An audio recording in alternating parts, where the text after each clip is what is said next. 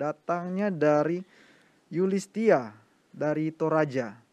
Shalom pendeta, saya ingin mengajukan pertanyaan yaitu, apakah itu orang Kristen? Bagaimana saya dapat mengetahui kehendak Allah bagi hidup saya? Demikian Bapak Pendeta, silakan. Terima kasih. Di dalam Alkitab ada beberapa kali ditemukan kata Kristen. Salah satunya adalah yang tertulis dalam kisah 11 ayat yang ke-26. Coba tolong dibacakan kisah 11 ayat yang ke-26. Baik, pendeta. Kisah para Rasul 11 ayat 26. Mereka tinggal bersama-sama dengan jemaat itu satu tahun lamanya sambil mengajar banyak orang di Antioquia lah murid-murid itu untuk pertama kalinya disebut Kristen. Hmm. Terima kasih. Di Antioquia lah katanya untuk pertama kali murid-murid itu disebut Kristen. Perhatikan kata-kata itu bukan mereka yang menyebut diri mereka Kristen, tetapi mereka dipanggil dan disebut sebagai Kristen, di mana itu Antioquia. Orang-orang yang ada di Antioquia itu melihat kehidupan murid-murid itu yang setiap hari berbicara tentang Yesus, yang mengajarkan untuk mengikut Yesus, mengikut Kristus, maka pengikut Kristus itu dijuluki oleh orang-orang yang ada di Antioquia itu sebagai Kristen. Ya, dalam bahasa Yunaninya Kristianos.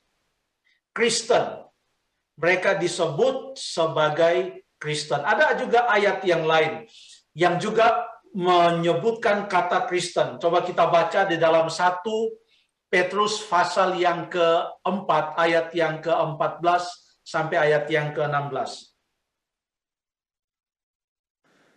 Satu Petrus pasal yang keempat, ayat 14 sampai 16. Berbahagialah ya. kamu jika kamu dinista karena nama Kristus, Sebab roh kemuliaan, yaitu roh Allah, ada padamu. Janganlah ada di antara kamu yang harus menderita sebagai pembunuh, atau pencuri, atau penjahat, atau pengacau. Tetapi jika ia menderita sebagai orang Kristen, maka janganlah ia malu, melainkan hendaklah ia memuliakan Allah dalam nama Kristus itu. Terima kasih. Menderita sebagai orang Kristen katanya, karena di dalam ayat yang ke-14, itu menyebutkan juga tentang penderitaan yang dialami oleh Kristus. Jadi menjadi orang Kristen artinya mengikut Kristus, hidup sama seperti Kristus, mengikuti teladan Kristus. Coba kita baca juga konsep uh, sebagai orang Kristen itu. Coba kita lihat di dalam buku 1 Yohanes pasal yang kedua, satu Yohanes pasal yang kedua, buka dulu Alkitab saya.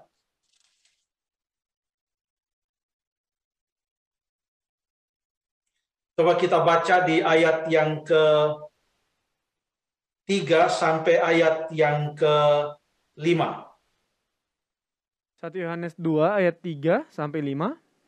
Ya. Dan inilah tandanya bahwa kita mengenal Allah, yaitu jikalau kita menuruti perintah-perintahnya. Barang siapa berkata, aku mengenal dia, tetapi ia tidak menuruti perintah-perintahnya, ia adalah seorang pendusta dan di dalamnya tidak ada kebenaran. Tetapi barang siapa menuruti firman-Nya, di dalam orang itu sungguh sudah sempurna kasih Allah dan itulah kita ketahui bahwa kita ada di dalam Dia. Itu sudah baca di ayat yang ke-6. Barang siapa mengatakan bahwa ia ada di dalam dia, ia wajib hidup sama seperti Kristus telah hidup. Itulah artinya Kristen. Barang siapa yang mengaku berada dalam Kristus, biarlah ia hidup sama seperti Kristus. Terima kasih. Apa ada pertanyaan yang terkait dengan itu tadi? Saya lupa pertanyaannya. Bagaimana saya dapat mengetahui kehendak Allah bagi hidup saya? Itu um, bagian berikutnya pendeta dari pertanyaan, pertanyaan ini. Yulistia.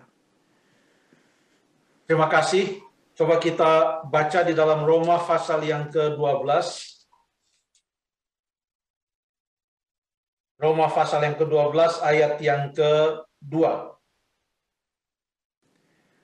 Janganlah kamu menjadi serupa dengan dunia ini, tetapi berubahlah oleh pembaruan budimu, sehingga kamu dapat membedakan manakah kehendak Allah, apa yang baik, yang berkenan kepada Allah, dan yang sempurna.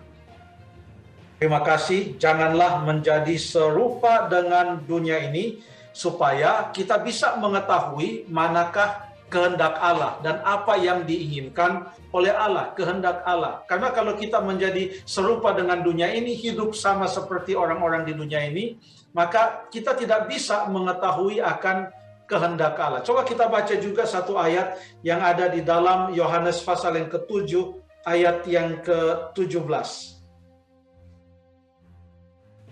Yohanes 7 ayat 17.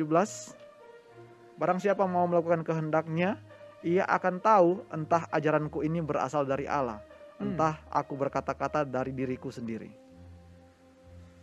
Terima kasih. Jadi firman Tuhan inilah kehendak Allah. Kalau kita mau menuruti kehendaknya, membaca firman Tuhan ini, maka kita akan tahu, kita bisa membedakan atas pertolongan Tuhan. Mana kehendak Allah, mana yang bukan. Apakah Tuhan Yesus berkata-kata atas kehendaknya sendiri, atau memang waktu dia datang ke atas dunia ini, apa yang ia ajarkan adalah betul-betul kehendak Allah. Terima kasih.